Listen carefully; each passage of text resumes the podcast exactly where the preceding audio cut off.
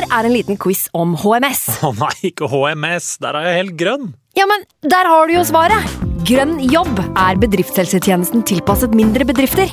Våre HMS-eksperter hjelper mer enn 8000 bedrifter over hele Norge med alt fra lovpålagte HMS-krav til pålegg fra Arbeidstilsynet. Få på plass bedriftshelsetjeneste på grønnjobb.no. Hallo? Jeg kommer fra Oslo politikammer. Ine Jansen er purk. Er du purk? The motherfucking bitch. Alt jeg vil, er å finne ut hva som skjedde med mannen min. Jon Carew. Er jeg sikta for noe? Iben Akeli. Det er du. Ole So, Lars Berrum og Big Daddy Karsten. Hvem sin side er du på, egentlig? Anette Hoff, Tone Danielsen, Kommer du fra Afrika? Jørnis Josef, Nesten. Kløfta. Trond Espen Seim, Det er synd å si det, men det var feil mann som døde. Purk.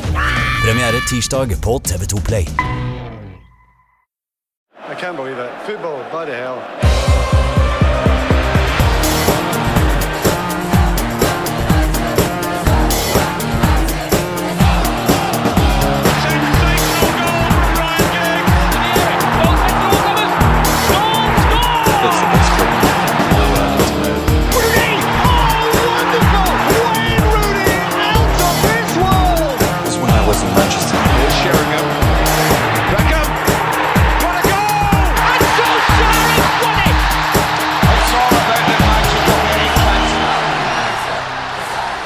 Velkommen skal du være til en ny utgave av United We Podcast. Ingen ny pokal, eh, men jeg vil vel ikke si at stemningen er helt i bånn allikevel. Eivind Brennholt Holt fra United.no, velkommen. Takk for det. Og vår mann på eh, kampanalyser fra NTG, Øyvind Eide, velkommen. Tusen takk. Øyvind og Eivind, vi skal gå gjennom eh, først og fremst Europaligafinalen mot Villarreal, som jo Ja, Ja, vi må det. Sånn går det også an å tape en fotballkamp også, eh, ved at keeperen din bommer på den siste straffa. Det er ikke helt vanlig kost, men sånn gikk det nå en gang. Jeg vet ikke Hvor er det dere har lyst til å begynne? Vi skal jo prøve å gå gjennom kampen så eh, godt vi kan, men Eivind, du, hvor skuffa er du? Jeg tror det er viktig nå å prøve å skille sin egen personlige skuffelse fra det derre kollektive Ole Out-toget som eh, raljerer i sosiale medier nå, da. Eh, fordi det er lett å la seg rive med. Jeg skjønner at mange var skuffa eh, etter de 120 minuttene i Gdansk, fordi det var ikke bra nok. Eh, så enkelt, og det er mange ting man kan peke på. Um, men jeg hadde gjort klar um, før Europa League-finalen en uh, slags kommentar som skal ut på united.no om utfordringene som Solskjær må løse i sommer fram mot neste sesong. Og for min del så er det ikke noe som har endra seg. Altså, jeg lærte ikke noe nytt i løpet av de 120 minuttene her. Uh, Victor Lindeløf er for soft, uh, Erik Bailly er for vill. Eh, Man kunne trengt en Declan Rice. Det er et spørsmålstegn ved David De Gea. Eh, Ja, vi kunne definitivt trengt en Jaden Sancho, så kan Øyvind si enda mer om, om eh, kampplanen som ikke, ikke fungerte, men utgangspunktet for neste sesong mener jeg har, det har ikke endra seg. Hadde det vært en Champions League-plass i potten her, som det var i 2017, da hadde det fått ringvirkninger på overgangsmarkedet. Kanskje Paul Pogba ikke ville blitt værende, kanskje Bruno Fernandes ikke ville skrive ny kontrakt fordi United skulle spille Europaligaen igjen. Ehm, det er lov å være skuffa, eh, men for Solskjær-prosjektet, hvis man ikke lar seg rive med, så mener jeg at dette er fortsatt et prosjekt som, som det er verdt å tro på. Da. Mm. Er du enig, Øyvind? Ja, det er jeg jo. Og så veit jeg ikke om vi skal ramse opp de spillerne som bør hentes nå, men eh, vi, vi, vi ser jo det at eh, hadde Maguire spilt den kampen her, så tror jeg at United hadde vunnet. Ja. Eh, det ene er at det handler om det ene målet, selvfølgelig, hvor Lindelöf da overtar den sona som Maguire vanligvis ville hatt på defensiv dødball. Eh, der er jeg ganske sikker på at Maguire hadde rydda opp. Så kan vi si mange ting om han òg, men Mm. De har jo han- sluppet inn fryktelig mange dødballer med Maguire på banen også, da. De har det òg, og da kan det godt hende de hadde skåra på en annen dødball. Ja. Uh, men uh, akkurat den konkrete situasjonen er jeg ganske sikker på at han hadde ordna opp i, da. Det er jo det ene. Og det andre er at eh, det, det, er, det er noe litt mer sånn trygghet over det likevel, ikke sant? sånn som Bailly holder på med brassespark innenfor egen 16-meter og sånn. altså Det blir veldig, det blir veldig sånn het potet, altså. Så jeg er helt enig med Lindløf, han, han er ikke bra nok. altså Han er nesten bra nok for de nest beste, som den Mm. turneringa her egentlig er. Ja. Eh, og da er det jo ikke bra nok til å vinne verken Premier League eller Champions League. Nei. Så, så det tvinger seg fram med et stoppekjøp på et eller annet tidspunkt hvis United skal ta det siste steget. Mm. Uh, Og bare for å begynne ved begynnelsen der, da, Ken. Altså, uh, Fred er jo er, At han er på benken, er jo det store sjokket der, uh, Øyvind. Eh, og, og nå sa Solskjær at han, han har slitt med en skade. Og så må han da spille med Pogba og McDominay. Hvor mye Du skrev jo en taktisk analyse for, eh, for oss før matchen. Hvor stort tap var det? Eh, ja, når Fred kom inn, da, så åpna han jo med et par feiltouch og feilpasninger og litt sånne ting. Det gjør han jo som regel. Han har noen av de. Hadde han gjort det gjennom eh, 120 minutter, så kunne jo litt av hvert skjedd. Men eh, sånn som Fred egentlig har spilt i år, så greier han å legge seg på en enkel linje, og så går det veldig bra. Ja. Og han dekker jo veldig mange kvadratmeter. Og, og sånn som eh, matchplanen til Villarreal var, så, så tok de jo ut i stor grad Pogba på den sentrale midtbanen. Eh, og det som skjer med Pogba da, er at han får jo Han har, han har ikke den beste ballvinneren. Så der er han, har han ikke styrken sin, og så får han ikke brukt seg sjøl offensivt fordi han blir sona ut og tatt ut. Uh, og da er det egentlig sånn at det er noen andre som bør ha den rolla, så Pogba kan være et annet sted på banen og Mm. bidra, bidra høyere i banen. da. Så, så det tenker jeg er eh, Jeg hadde ønska meg Fred da, mm. i den rolla. Både fordi han kan sikre forsvaret og alt som er, og dekke mye rom, men også fordi Pogba kunne faktisk vært litt involvert i kampen, for det ble han nesten ikke. Nei, han var jo helt uh, borte, så å si. Det kan man jo si om flere United-spillere, for så vidt. Men, men når, Ole Gunnar Solskjær da uh, observerer dette her selv, uh, og ser at Pogba blir faktisk helt borte eh, i La oss si at han merker det i løpet av de første, første halvtimen eller sånn, da. Hva kan han da gjøre? Noe, liksom, hvilke grep kunne han ha gjort? Altså det, jeg skrev litt om det i analysen først, at eh, det rommet på utsiden av de to spissene til Villarreal det er et godt utgangspunkt for å angripe eh, det forsvarsspillet som Villarreal har. Og så gjorde jo Villarreal et mottrekk på det, og det var å flytte spissa sine sånn at de fulgte de to sentrale midtbanespillerne til United ut i det rommet. Så, så det var egentlig ikke så mye rom der. Så det de kunne gjort, var at eh, en av de to sentrale kunne droppa ned sammen med stopperne og fått en stopper til å komme fram i banen. Da måtte spissene ha valgt i større grad eh, til Villarreal eh, eh, enn det de gjorde nå. Nå Mm. kunne de bare ligge stort sett på de to sentrale, og så, og så hadde ikke United noe mottrekk mot det. Og det blei stående litt sånn ubesvart gjennom kampen. Så det, det føler jeg var litt, eh, var litt svakt, da. Så det, det er ett trekk de kunne gjort. Og det Mm. andre var selvfølgelig å eh, gjøre et bytte, og da er spørsmålet hvem skal ut? Eh, det er alltid vanskelig. Og hvem skal inn? ikke Ja. sant? Og da, da, da, da blir det litt i den leia der, da. Og han kunne også spilt eh, snudd kanskje trekanten på midten og spilt med Fernandes og Pogba foran, med bare McTomney aleine, f.eks. Mm. Det kunne det også vært rom for, tror jeg, da. Eh, fordi altså, eh, Det er jo ikke noe tvil om at Eller jeg vet ikke, kanskje det er tvil, men eh, Manchester United burde jo være et bedre lag enn Villarreal. Eh, de spiller i en tøffere liga og ligger lenger oppe på tabellen. Har, det, har et lag med mer renommerte spillere som koster mer penger osv. Så, videre, og så, videre. så er det eh, såpass enkelt, eh, Øyvind, som at United blir tatt på taktikken. Ja, det Svaret er alltid litt mer kompleks enn det. Ja. Men eh, som sagt, akkurat det trekket syns jeg blei stående litt ubesvart. Eh, Villarreal angrep også 45% av kampen sin, egentlig, på United sin venstre side, dvs. Si bak Rashford. Eh, de fikk jo ikke utnytta det sånn veldig, men jeg syns liksom kampplanen i stor grad var tydeligere enn det Solskjær sin var. Både fordi at det blir ikke noe spesielt svar underveis, men også fordi at det handler stort sett om det vi har sett før. Et høyt press, gjenvinningspress, kontre derfra. De prøvde seg på noen vendinger av spill. Det er gunstig mot sånn som Villarreal forsvarte seg, for da får de ofte strekk mellom spillerne i midtbaneleddet. Men der òg, så Når når Villarreal tok ut de sentrale, så, så gikk alle vendingene av spillet i backleddet, og da går det kjempesakte. Så da Mm. rekker det å flytte hele laget sitt hele tida. Mm. Så jeg, jeg savner uh, mer sånn engasjement underveis da, for å kunne møte på de trekka som kommer imot. Det, Mm. det savner jeg. Mm. Eh, Hva tenker du om eh, starten på kampen for Uniteds del, eh, Eivind? Nei, jeg syns jo det egentlig eh, Nå er det litt vanskelig å tenke tilbake, nesten, men jeg mener at starten var positiv, og man føler jo er at dette er eh, en kamp som United skal styre, selvfølgelig. Um, og så avgjøres det jo, som Solskjær er inne på etterpå, etterpå at av marginer. Uh, Mm. Og det er jo det som både er ikke en unnskyldning, men det er også um, det som gjør litt ekstra vondt, fordi United skulle jo avgjort det her før, før eh, vi kom til ekstraomganger og straffesparkkonkurranse eh, og 22 straffer. Eh, men jeg syns jo min korte, korte oppsummering er liksom at det, jeg syns ikke det var noe tvil om at dette var et United-lag som hadde reist til Gdansk for å vinne Europa League. Det syns jeg du så på Solskjær på sidelinja, du så det på Bruno Fernandes og Cavani på banen.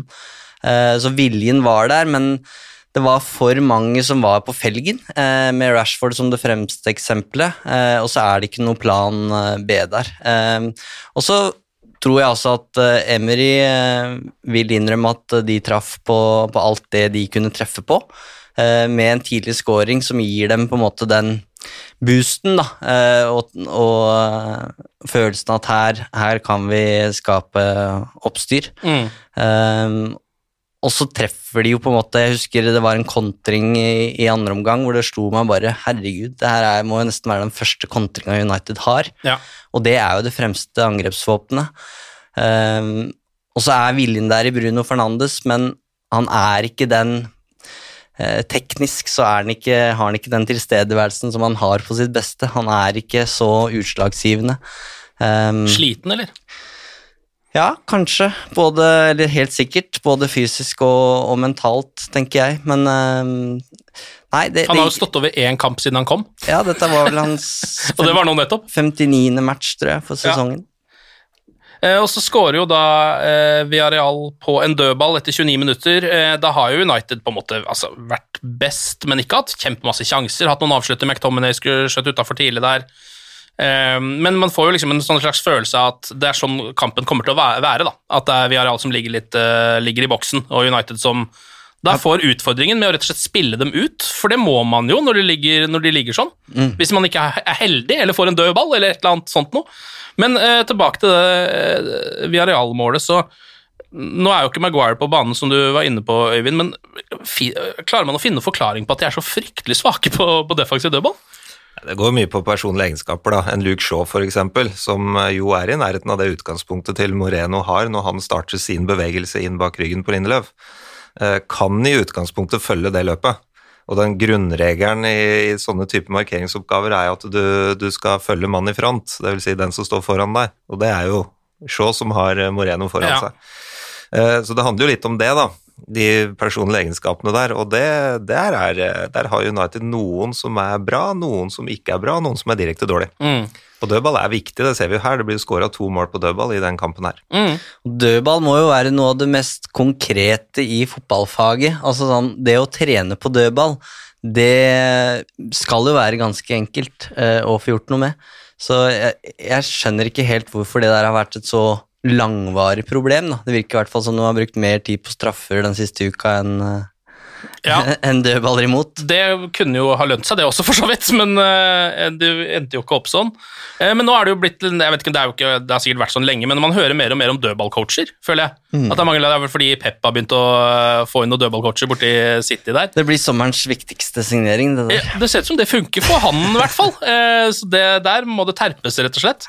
Og vi hadde jo en, en danske som også var innkasttrener for Liverpool. Ja. Ja. Han reiser jo verden rundt og coacher lag på innkast. Ja, og det, det får du jo Ja, det, man får jo noe ut av det. Det er jo den dødballen i anførselstegn det er flest av i løpet av matchen. Så Ja, og, man, og forrige fotball-VM, vet du, så var jo England var jo veldig god på, på dødball. Skåra jo masse mål på dødball, og de, de tror jeg dro over til eh, New England Patriots, var det det, i NFL. Uh, og amerikansk fotball, vet du, det er jo egentlig bare dødballer. ja, Hvert, hvert angrep er, starter med en dødball, så blir det enten ny dødball eller kontring imot. ja, ja. Det er liksom hele spillet. Og der er, det jo, der er det jo veldig opptatt av sånne de detaljene Ikke der. sant? ikke sant? Så jeg, jeg tror rett og slett de, de brukte og prioriterte mye tid på det, da. Og det fikk de jo igjen for, fordi de var livsfarlige på dødballer. Eier ikke Glazers som åtte-ni sånne lag? Det er jo bare å få sendt over noen av Hente noen fra Tampa Bay. Ja, bare få det over. Um, uansett, United prøver å ta igjen ledelsen uh, fram mot pause. Um, og du ser at det begynner å bli litt frustrasjon etter 33 minutter, for da virker det som Solskjær og Kavani rett og slett slenger litt dritt til hverandre. Jeg vet ikke om dere, Det er jo vanskelig, det er bare ut ifra TV-bildene, selvfølgelig, for jeg var jo ikke på stadion. Men, men du, sånn som du var klipt, så ser du at det, det var ikke Altså, du ser Solskjær blir ordentlig forbanna der, slenger noe greier. Kavani er sur tilbake, litt uh, latin og temperament. Eh, og på en måte så syns jeg litt sånn sånn må det på en måte være. Det er godt at det liksom kommer en reaksjon når det, når det virkelig ikke ser bra ut ut på matta i det hele tatt. Vet ikke hva dere tenkte hjemme. Ja, og et baklengsmål òg, så ser du Solskjær eh, er eh, rett og slett forbanna på sidelinja der. Så det, det var jo et la Altså, som jeg sa, tenninga av viljen, den er der. Det syns jeg ikke det er noe tvil om. Um, og jeg tror det handler om hva den Europa League-finalen her på en måte symboliserer, da. Um, vi har sittet her så mange ganger og snakka om at det er progresjon, men det går kanskje litt saktere enn vi kunne ønske oss. da. Mm. Eh, og hadde Solskjær fått den Prem, eh, Europa League-pokalen her, så hadde det på en måte vært signalet om at tålmodigheten vil lønne seg. Eh, det går framover, og det vil gi titler og suksess over tid. Eh, og det som blir spennende å se nå, er hvordan de responderer på det her, da. For de så jo bildene eh, i straffesparkkonkurransen Hamadi Allo som ber til høyre makter. Altså, dette er jo en, en spillergruppe som virkelig eh, hadde lyst til å reise hjem med det trofeet, heldigvis. Ja. Um, og så er spørsmålet hvordan klarer på en måte Solskjær å bruke den skuffelsen eh, og dyrke den følelsen som er der nå? Ta med seg den inn i august når sesongen skal sparkes i gang, og på en måte kanalisere den til noe positivt. Eh, vi husker hvordan Ferguson gjorde det i 2012, da de tapte ligamesterskapet for eh, City på overtid. Eh, og United-spillerne bare lå strødd på, på, gresset på Stadium of Light. og Ferguson sier i bussen på vei hjem til Manchester at Husk den følelsen dere sitter med nå. Ta med dere den til august, for da skal vi ta revansje. Og det var jo Ferdinand og de andre har jo fortalt at den følelsen hadde de med seg helt til mai. Eh, Mm. da de vant det siste trofeet med Ferguson. Og klarer Solskjær noe sant, så er det, kommer det jo noe godt ut av det her. Men jeg tror, hvis han kunne velge, så tror jeg han hadde tatt trofeet og på en måte brukt det som en motivasjonsfaktor selvfølgelig inn i sommeren. da.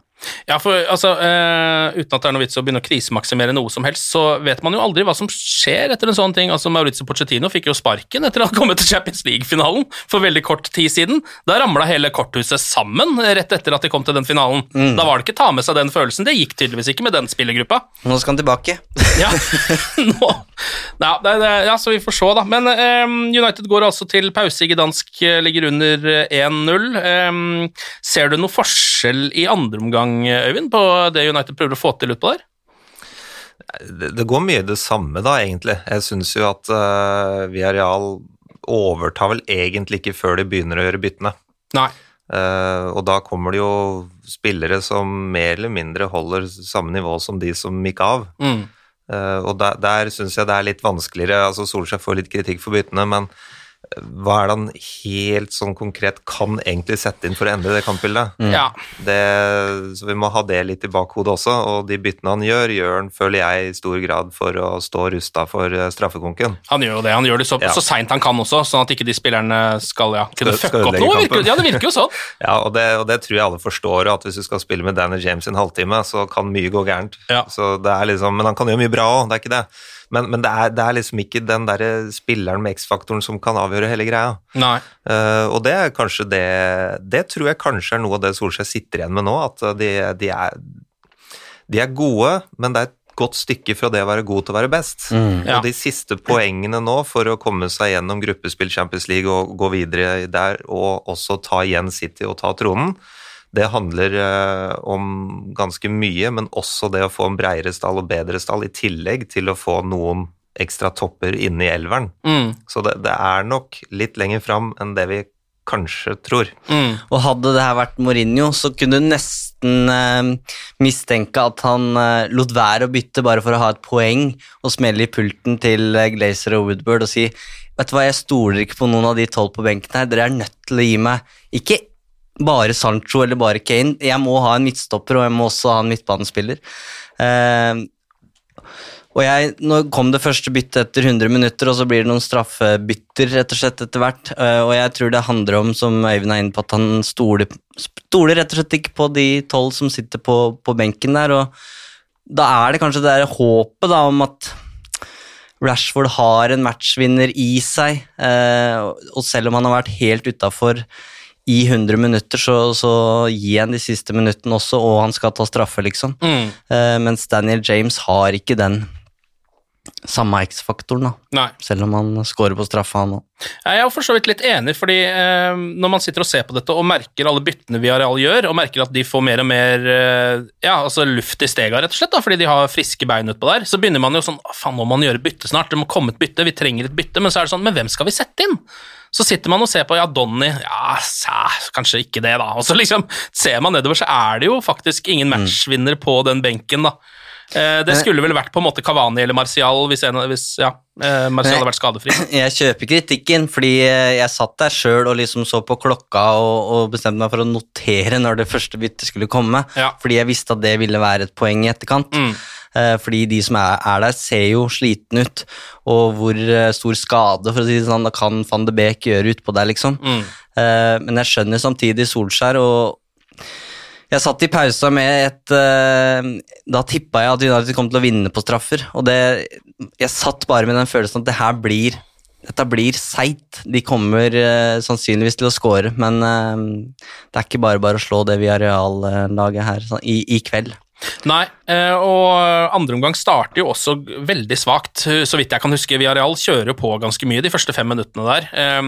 Og det virker som United rett og slett er litt sånn sjokka, og heller ikke på en måte kommet seg opp igjen i løpet av garderobe, altså ja, i pausepraten og sånn. da. Um, men allikevel, de får seg jo et mål eh, ti minutter ut i andre omgang. ehm, litt sånn ut av ingenting. En corner, faktisk, for en gangs skyld, som United scorer på. Eh, et skudd, litt rør. Kavani dukker opp eh, som den fiskeren han er, og får den i nettet. Var sjekker for offside. Vi får nesten ikke se noen bilder. Så det er helt sånn du sitter bare og Hva? Oi, oi, oi, det her er sikkert offside, fordi nå vet jeg ingenting. Ja, og der må jeg bare si I Premier League så kan man på en måte sykke fælt når de finner fram passer og linjal, Ja. og det blir, eh, det blir bare latterlig. Men det her ble også, i hvert fall i en finale, så ble det her veldig rart å bare sitte og se på en dommer som venta på beskjed fra øret uten å vite hva som ble vurdert. Ja, og en rask replay, bare, hvor det er helt umulig å se altså, noe som helst, egentlig. Eh, Man får kanskje en slags følelse, men uh, Jeg kunne, jeg kunne ønska meg en mellomting. Jeg trenger ikke de strekene nødvendigvis, bare vis meg et skjermdump etterpå hvor, hvor du får fasit, men jeg vil Ja. gjerne se situasjonen i reprise. mm. eh, så man kan gjøre en vurdering med det blotte øyet. Det var jo tydeligvis veldig tett på også, for de brukte jo lang tid Mm. eh, på den avgjørelsen, mens man eh, bare satt og venta. Til slutt så blir det mål, eh, 1-1, og man kan slippe jubelen litt sånn forsiktig løs eh, hjemme sånn i stua. Priceless Solskjær-meme der, som kommer til å brukes en del i sosiale medier. Hva da, hadde han et eh, Ja, han hadde et ansiktsuttrykk der eh, i, under VAR-sjekken Ja, som eh, det stemmer det.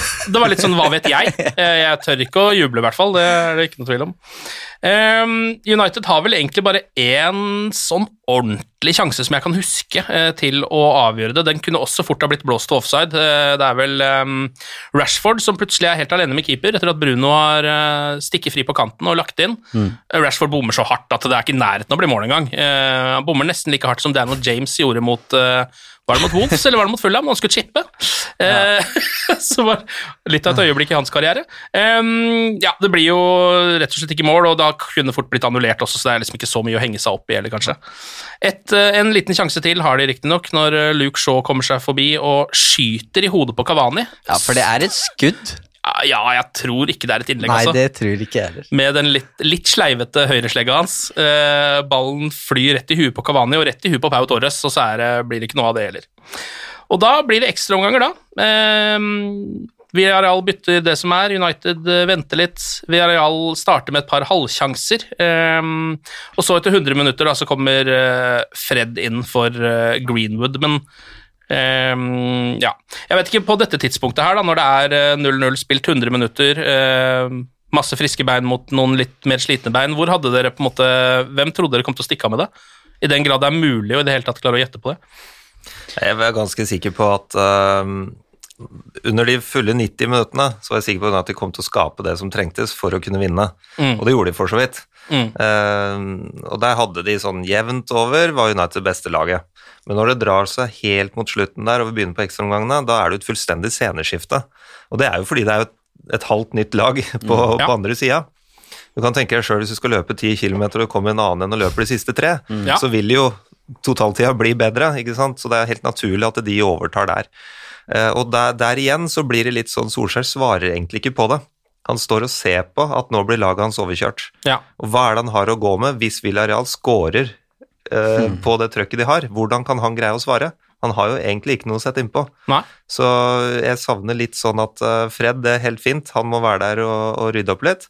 Uh, og så kan det hende at de skulle hatt en til som bare orker å løpe, rett og slett, fordi de sleit jo med avstand i laget og må, må rett og slett prioritere å stenge igjen. Men nå gikk det jo bra, da, eller bra i den forstand at de greide å holde nullen da, Ja. i ekstraomgangene. Men, så, men ja, fordi, liksom, hvor mye, eller hvordan skal man gjøre den avveininga? da? Eh, altså kvalitet på spiller versus bare ren løpskraft eh, når man kommer inn i sluttminuttene der. Eh, kan jo hende at det hadde vært en idé og rett og slett bare hatt noen, eh, noen friske bein innpå der, men det blir jo etterpåklokskap alt det der, da. Men sånn er vel også et eh, taktisk fotballprat, er det ikke det, til en viss grad? Det er jo det, og det er, det er jo også veldig lett å si nå at selvfølgelig bør vi ta keeper.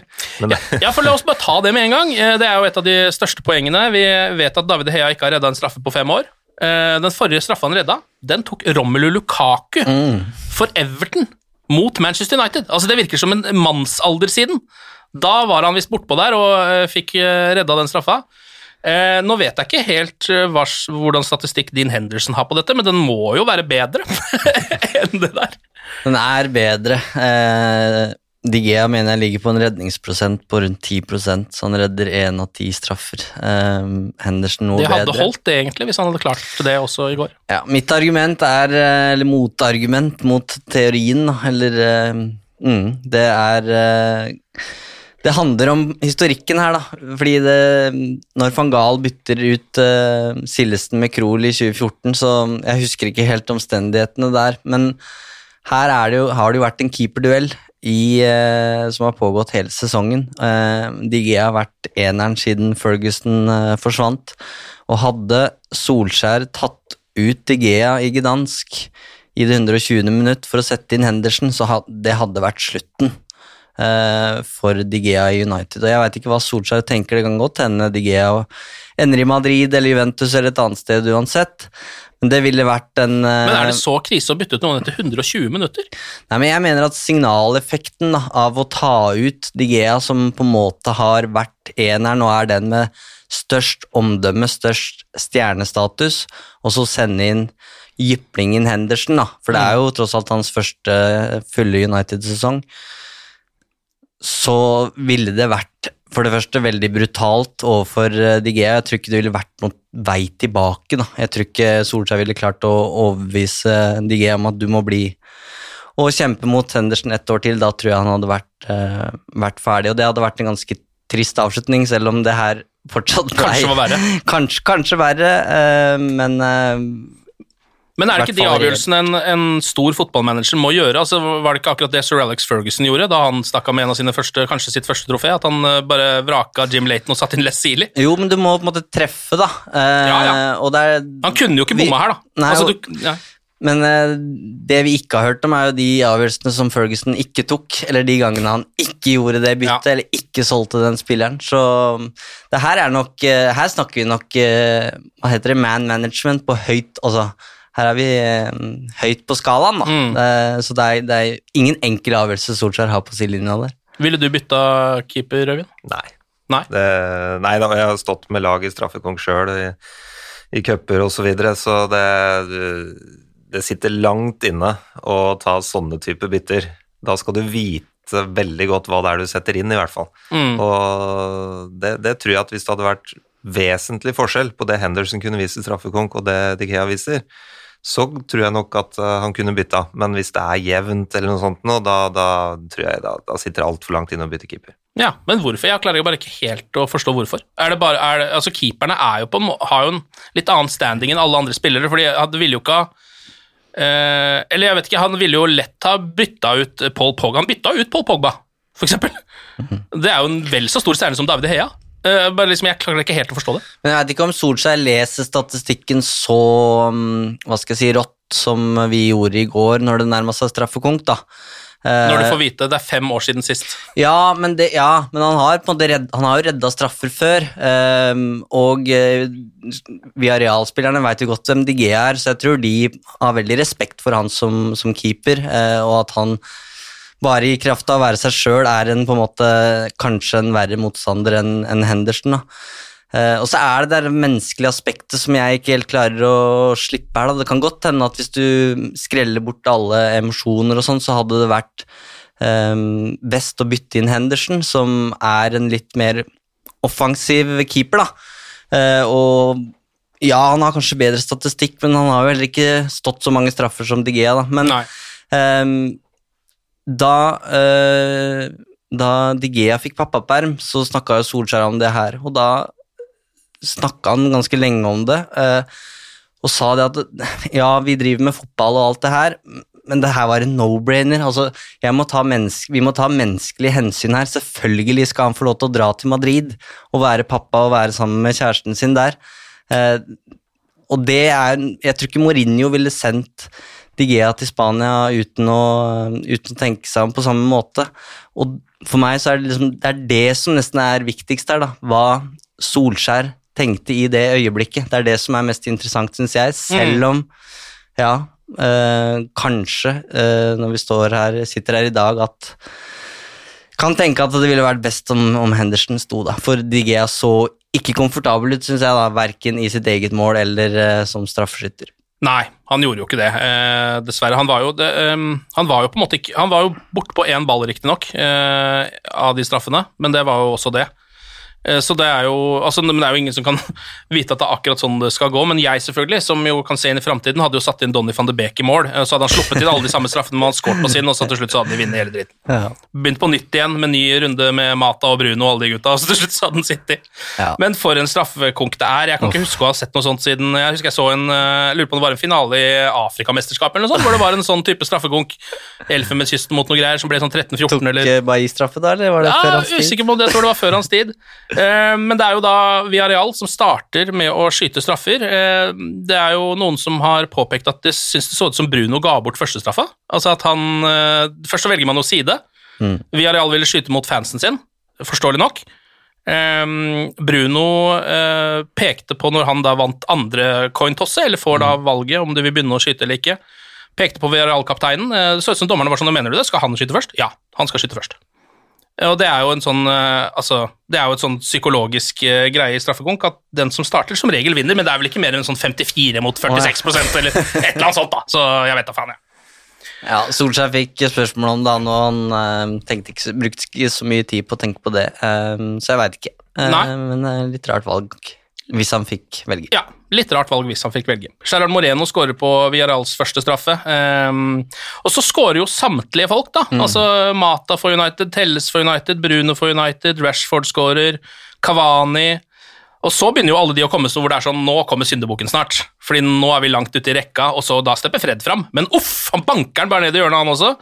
Uh, Daniel James skårer også sånn type sånn han kommer til å bomme-følelse. Ja, det må sies at vi får noen positive overraskelser der i den straffekonken, syns ja, jeg. da. Og jeg, jeg er uh, av natur pessimist, som folk sikkert har skjønt i podkasten her, da. Uh, så når, når, Daniel James og Fred og Lindeløf og alle de her Tuan Sebe til og med skårer jo. Tuan Sebe, så, så jeg, ser jeg hele filmen om eh, om Daniel James foran meg i løpet av de 20 sekundene, og den historien. Og ja, det skal selvfølgelig krones med at han nå bommer på det straffesparket. Men ja. eh, de har tydeligvis trent på det, for det, ja Tuan Sebe satt den i krysset han med største selvfølgelighet. Ja, og Lindeløf også knallhardt ned i mm. hjørnet.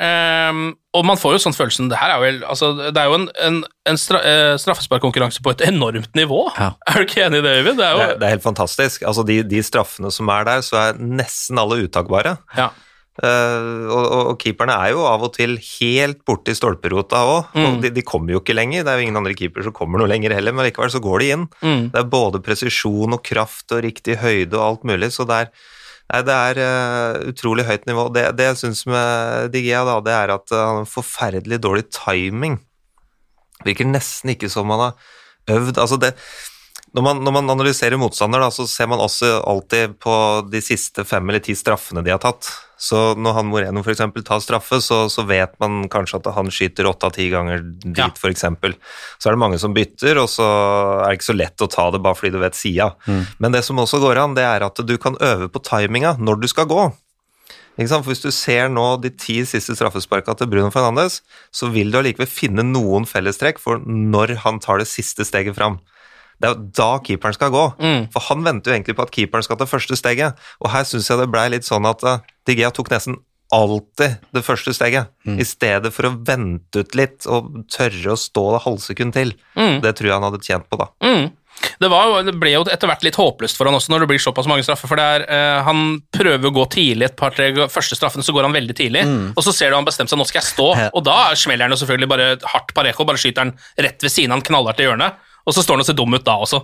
Så jeg skjønner at det er en vanskelig oppgave, men eh, det på en måte, ja, det, Man så vel hvor denne kampen endte idet eh, Geronimo Rulli går fram og banker straffa si i krysset. Altså når keeperen banker inn 11-10 i krysset, og David Hea stepper opp der.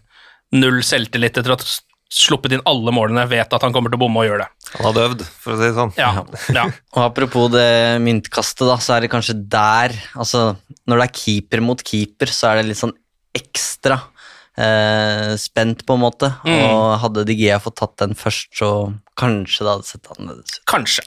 Men det ender jo uansett opp med at uh, Manchester United taper uh, Ole Gunnar Solskjærs uh, første finale. Ehm, og det blir ikke noe pokal med det første. Vet ikke, Er det noe mer eh, taktisk fra matchen du har lyst til å dra fram, eh, Øyvind, før vi går Ja, videre? det, det er jo mange som savner eh, Fernandes, da. Og Ja. det gjorde jeg sjøl òg. Innimellom så var jeg usikker på om han spilte, egentlig, for han, han var veldig bortgjemt. Ja. Uh, mye av grunnen er at han velger å legge seg veldig bredt i den kampen. her, Mye breiere, syns jeg, enn det han egentlig har valgt tidligere.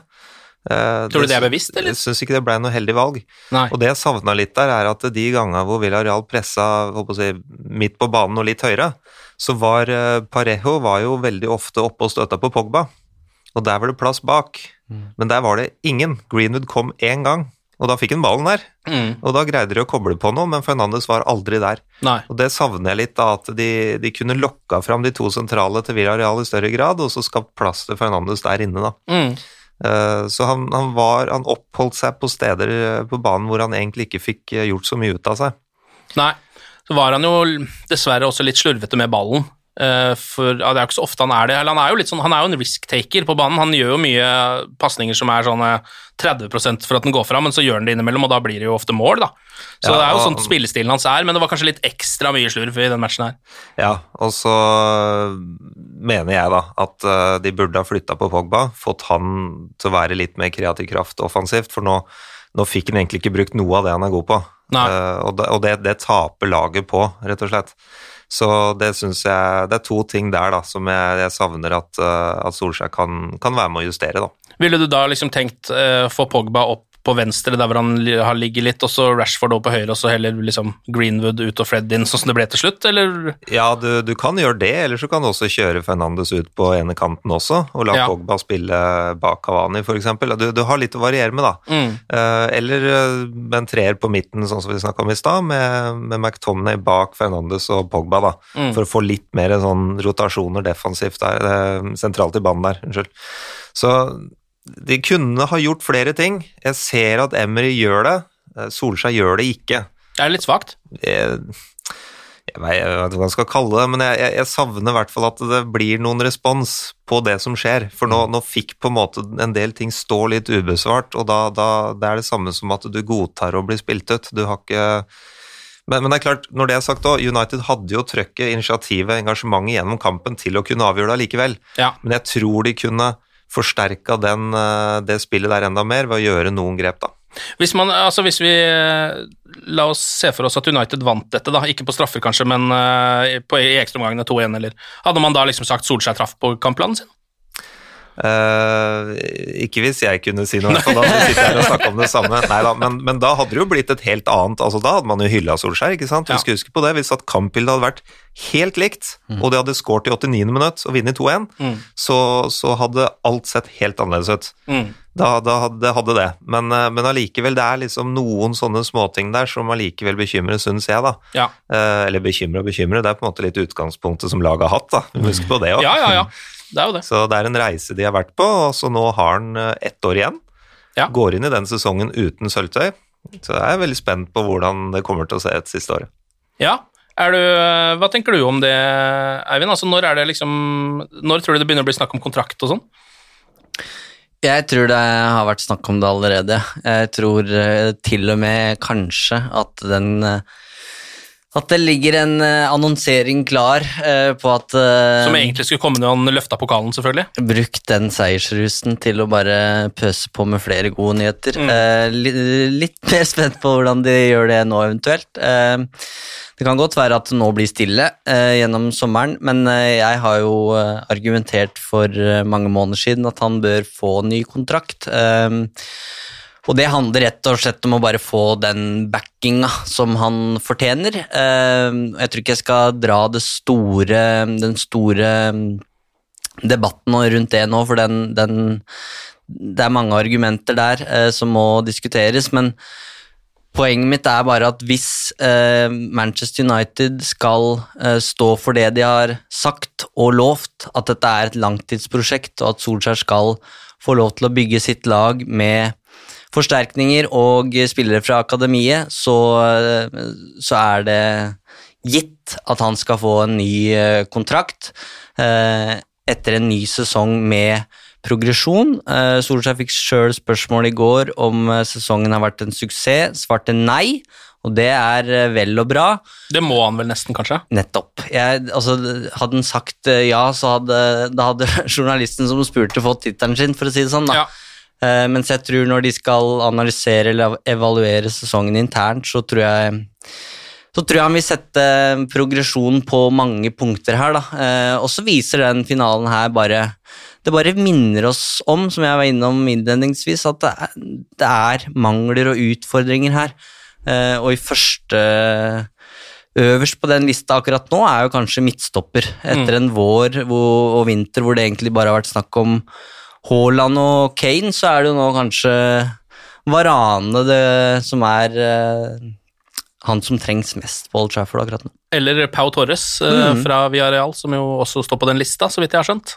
Eh, nå, jeg la ikke så veldig mye merke til hva han drev med i går, men var det noen som tenkte det er akkurat det vi trenger? Jeg så mest på han makkeren, som var en en, sånn spansk kriger med et voldsomt skjegg. Albiol, ja. Albiol. Ah, nydelig fyr. Han er nydelig, han også.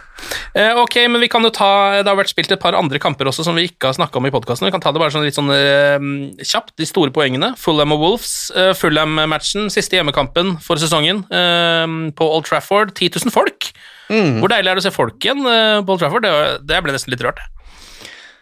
Ja, det var nydelig å slippe falsk tilskuerlyd eller stillhet, eh, og kjenne litt på det der. Eh, så det, det var eh, deilig å se, og så får vi bare håpe at det blir flere og flere etter hvert. Mm. Eh, av de 10 000 så var det vel sånn rundt 8000 anti-Glazer-plakater eh, da, da kampen sparka i gang der. Eh, men det man husker fra den matchen, er jo Kavanis mål. Hans første skudd mot Stretford End noen gang. Mm. Eh, en chip fra ja, 40-50 meter eller noe sånt, eller? Eh, det var kanskje offside, riktignok, men det er ikke så mye vits å snakke for høyt om når det er så vakkert. Nei, det var eh, en perle. Eh, jeg husker det Veron har gjort det, og Beckham har gjort det, og det, Ja. det, det, det der er Rooney, en sånn, Rooney har gjort det ofte. Rooney har gjort det, så det der er en sånn scoring som kommer til å gå inn i historien, akkurat det Solskjær håpa på, da. Nå hadde jo Kavani signert på det tidspunktet her, men eh, det er jo det her både fansen og Kavani har drømt om å få oppleve, da. Ja, For en sang også da for Edinson Cavani eh, i rødt. Ja, så bra hadde jeg vel ingen trodd at det skulle gå, eh, tror jeg. Ja, altså, selvfølgelig en gammel storskårer og alt det der, men vi har jo sett det gå skeis mange ganger før. Mm. Hvor mange Eh, mål ble det?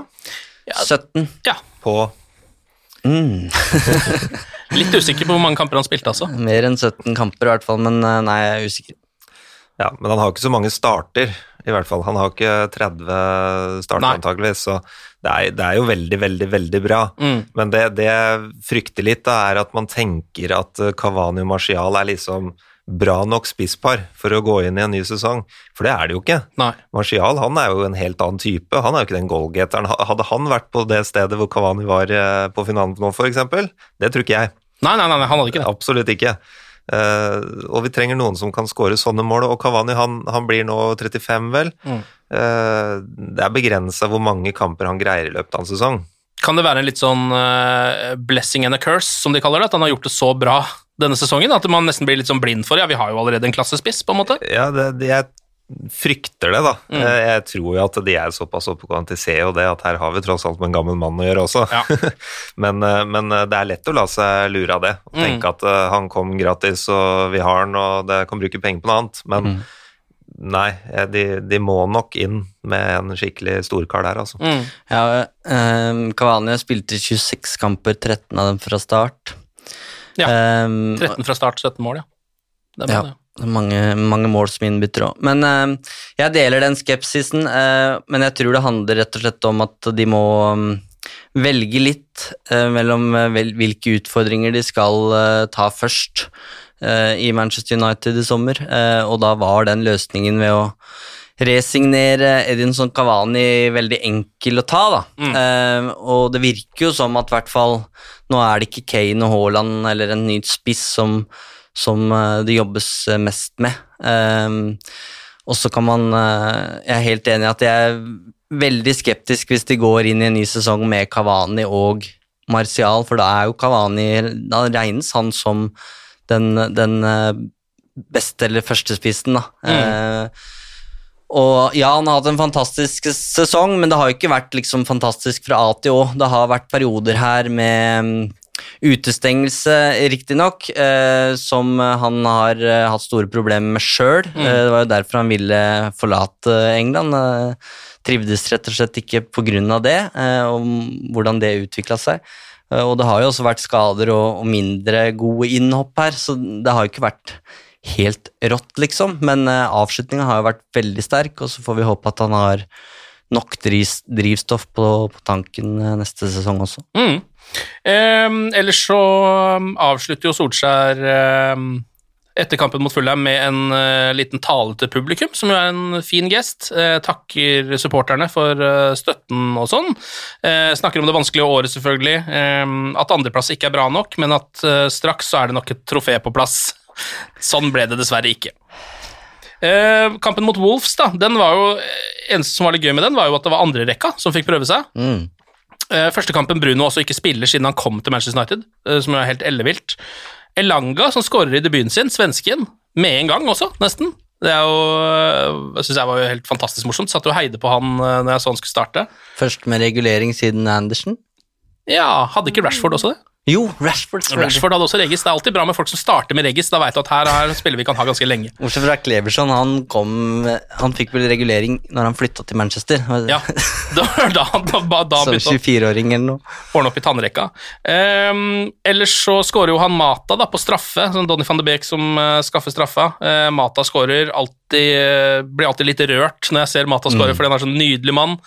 Kanskje siste gang vi får se han skåre et mål på Old Trafford, eller? Ja, det eh, tror jeg kanskje det er. Solskjær har sagt at de skal gå inn i forhandlinger og sånn, men eh, det, jeg syns det er litt rart hvis han skal være med videre etter å ha spilt en så marginal rolle den sesongen her. Han har ikke slitt med skader eh, eller noe sånt noe. Eh, har vel vært noe dødsfall i familien der og sånn, men Nei, jeg syns det lukter en eh, Jeg har meldt det hele veien, en retur til Valencia der på et eller annet tidspunkt. Ja. Men det, det som er vanskelig med det, da, det er jo at det er flere spillere som havner litt der, ikke sant. Altså er det siste gang vi har sett dem. Men hvis du har tre-fire sånne, da, Mm. så, så må du jo inn med uh, enten de som tar plassen på benken, eller en erstatter inn i elveren som gjør at en fra elveren går på benken. Mm. Det er ikke alltid like lett å bare fylle opp med spillere, altså. Nei. Så jeg tipper at vi får se mange av de som, som fortsetter. Men eh, jeg vet ikke han sjøl heller hvordan han Han virka jo i fjor vel til å være veldig fornøyd med den rolla han hadde da, men så har han jo spilt vesentlig mindre nå, Mm. i hvert fall siste halvdel av sesongen. da. Mm. Og så er det jo det vi ikke ser, da. Eh, rollen Mata har i garderoben, f.eks. Ja. Jeg tror det er derfor Solskjær for eksempel egentlig ikke ville slippe en spiller som Ashley Young, da, som, eh, som har hatt kapteinspinn og, og sånne ting. Um, så ideelt sett så ville sikkert Solskjær hatt Mata der bare som en sånn ja, som du sier, ikke en ålreit fyr som bare kan fly rundt og skape god stemning da, på treningsfeltet og i garderoben, men eh, det er jo en veldig dyr eh, motivator da, med den eh, lønna og så videre, så spørs det om at eh, han har nok lyst til å spille fotball sjøl òg. Ja, jeg tipper det er en del som ligger hos han der. Såpass, den lojaliteten går vel litt begge veier, tror jeg, når man har vært såpass lenge i en klubb som Mm. Mata har vært i United, tross alt. Eh, Men som vi var inne på tidligere her også, så når man da spiller en europaligafinale og ikke vil bytte inn benken sin, så kan det jo være greit å begynne å rydde opp der, kan ikke det? Sånn helt Jo, ærlig. Du må, du må det. Og, men det er som du sier, det, du må sørge for at du må ha minst samme kvaliteten inn. Altså aller helst bedre, selvfølgelig. Og det, det er dyrt, og det er vanskelig, og det er, eh, det er ikke så lett alltid. Nei. Jeg gjør jo i hvert fall rydde ryddig opp for noe at noen litt yngre folk kanskje kan prøve seg også, da. Det er jo aldri dumt i en klubb som har ambisjoner om å få fram talenter. Og han, han Elanga, han var, så jo helt fantastisk ut. Jeg så bare førsteomgangen mot, uh, mot Wolves der. Jeg prioriterte å se Leicester Tottenham, eh, egentlig. Det var, var litt- spennende ennå. Litt mer spennende. Ja. ja. så, men jeg så førsteomgangen, og han, han så virkelig eh, frisk ut, altså. Ja. Veldig godt steg, nydelig med ballen. Forståelse for hvor han skal være til hvilken tid. Altså, det så veldig lovende ut. Og kjapp han- også. Veldig rask, eh, kvikk i hodet og kvikk i beina. Mm. Eh, det som overrasker meg litt, er at eh, han er jo 19 nå, ikke sant? Og burde kanskje vært innpå før. Ja, det er faktisk et poeng. Jeg vet ikke helt hvorfor Han skulle debutert ved nyttår, eh, men pådro seg en skade, en langtidsskade, som var borte i et par måneder. Ja. Eh, Så det var liksom først da han kom tilbake igjen, jeg husker ikke når han var i Europaligatroppen for første gang, men det var liksom eh, Om det var mot Granada eller noe sånt. mm. Så um, han har jo vært god på U23-laget lenge, eh, og blei jo årets juniorspiller i fjor, så det er jo et talent de har vært klar over. Han spilte jo, hvis jeg ikke tar helt feil nå, den ene treningskampen de hadde mot Aston Villa før sesongen. Ja. Um, men det er jo litt spennende, fordi det er, som du var inne på, Ken mange talenter er da, med Diallo som han som de fleste har liksom store forventninger til. Eh, Pelistri kommer tilbake fra Alaves. Vi har sett Shora Tiray eh, debutere, noe om Will Fish og ikke minst Hannibal inn. Mm. Men dette er jo tenåringer, da. Eh, og det å måte bare gå rett inn på United og spille en avgjørende rolle der. Det er, det er Rashford og Greenwood har gjort det, eh, men Tuan Sebe viser at det, det er ikke bare bare. Han er 23 nå, liksom. Ja. Brandon Williams har forsvunnet. Så det er så mange mm, Når eh, Solskjær og McKenna og, og Carrick skal sette seg ned, og, og Filen for så vidt, og, og vurdere hva de skal gjøre med de forskjellige, for det er nok ikke rom for alle. Jeg tror en spiller som Hannibal, skal han spille U23-fotball neste sesong? Det tror jeg ikke han vil ha noe utbytte av. Eh, så skal han da bli værende og heller få liksom fem minutters innhopp en gang i måneden isteden. Så der er det mange valg som må tas i løpet av sommeren, og det, det blir veldig spennende, for det er nok av talenter å, å velge i, da, som vi har lagd en spesialepisode på før. Mm. Før vi gir oss med Wolves-matchen, så må vi også bare gi litt kudos til eh, Dan James for et helt fantastisk innlegg til Elanga med venstrebeinet. Det var ordentlig sånn eh, ja, Roberto Carlos-kvalitet på det innlegget der, faktisk. Helt sjukt å se.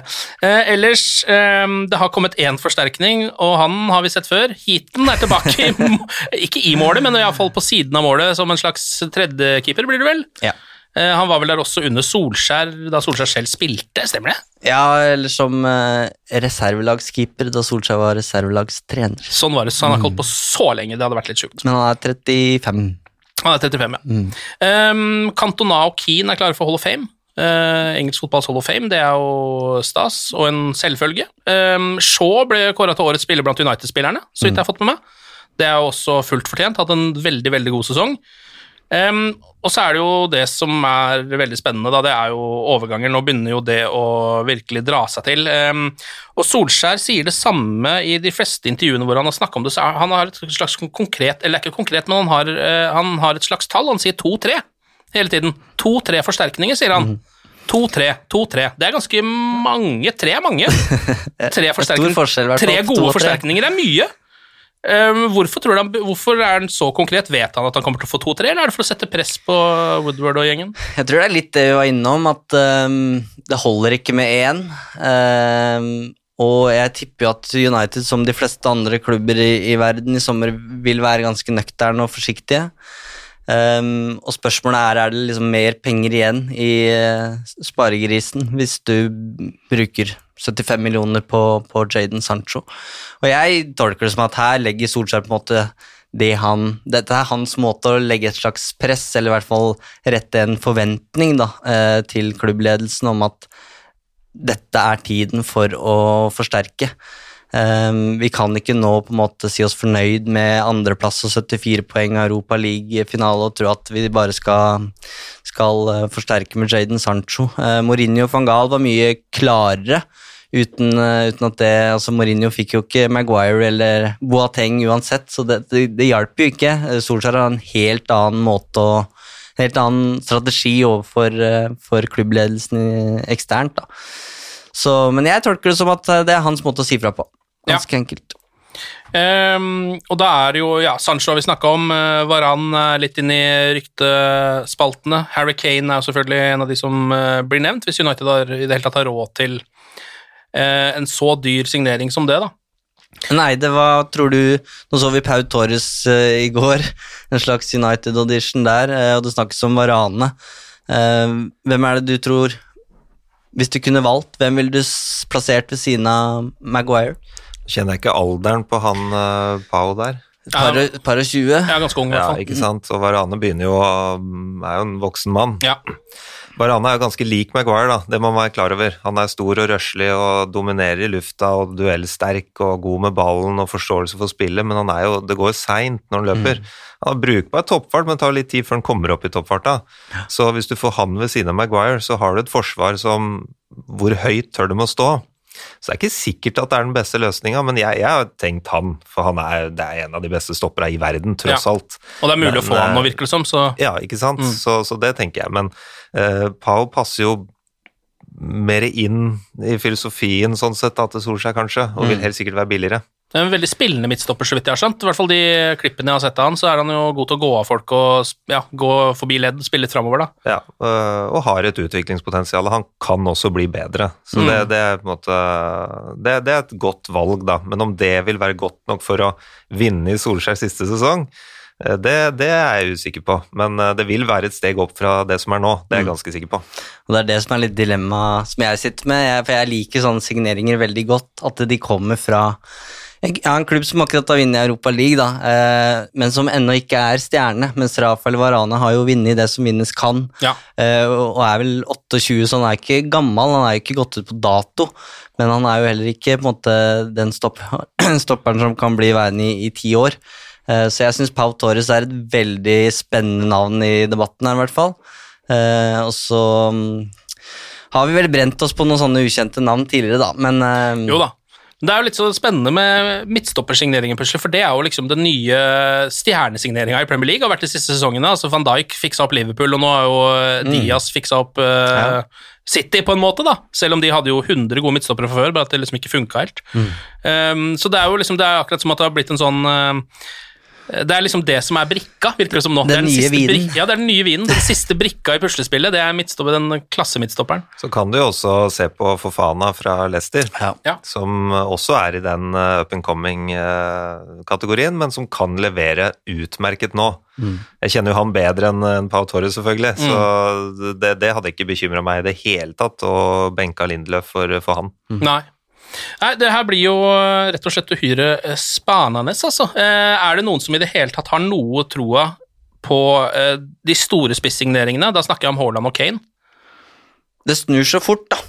Så plutselig så mm, Hva skal jeg si eh, Hvis Pochettino nå returnerer til Tottenham, som det er sterke rykter om i dag, så, så kanskje Kane setter seg ned med, med Pochettino og Levi, og de blir enige om at nei da, jeg blir værende, vi skal til en ny Champions League-finale. Mm.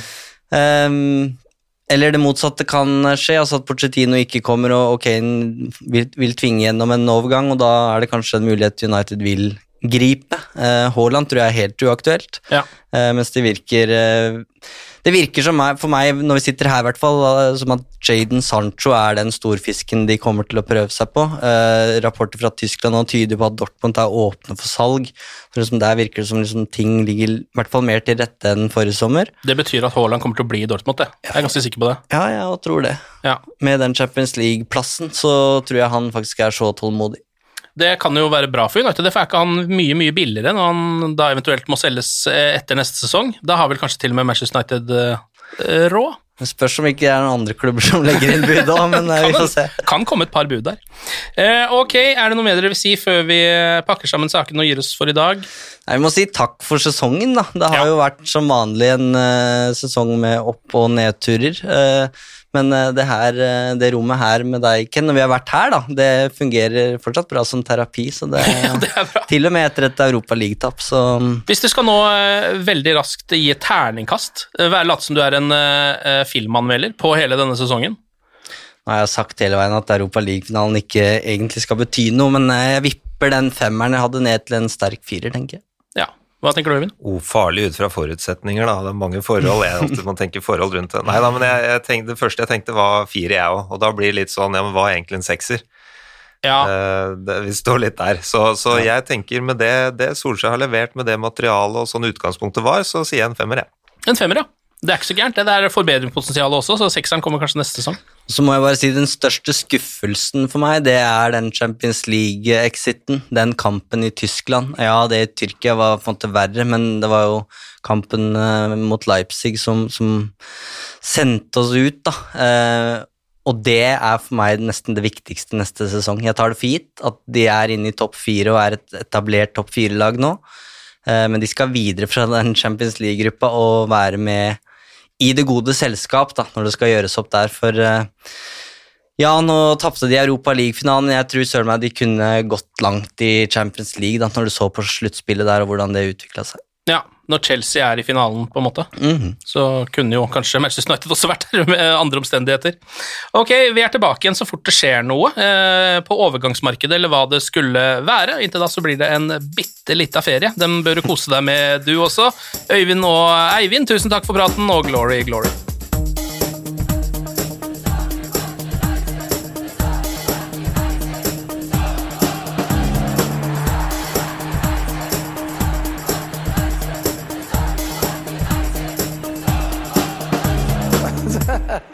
Oh, it's true. I've seen many things.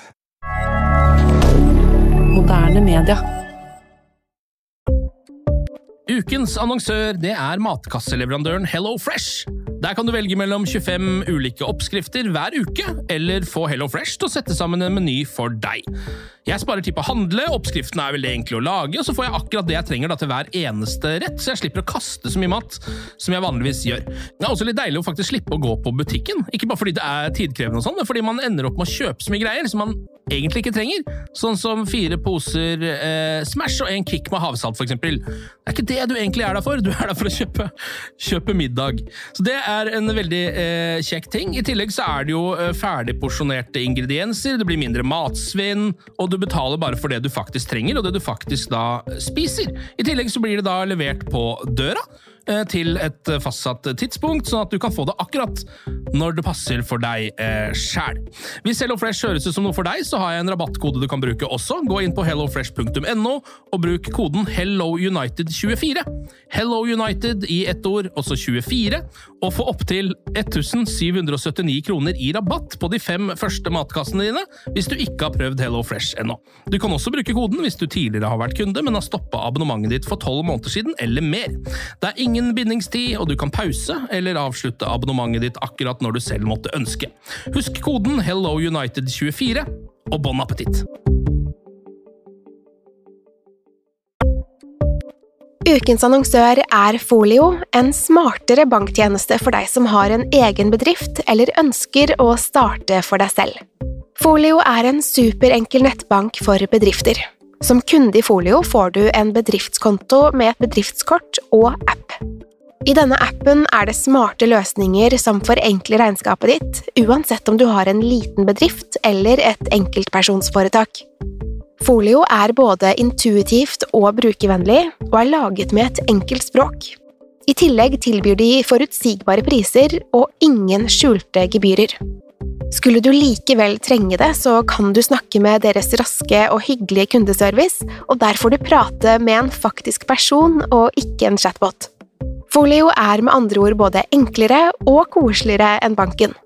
Over 10 000 bedrifter har allerede valgt Folio som sin banktjeneste, så besøk folio.no og se hvordan Folio kan forenkle din hverdag også. Har du et enkeltpersonforetak eller en liten bedrift? Da er du sikkert lei av å høre meg snakke om hvor enkelt det er med kvitteringer og bilag i fiken, så vi gir oss her, vi. Fordi vi liker enkelt. Fiken superenkelt regnskap.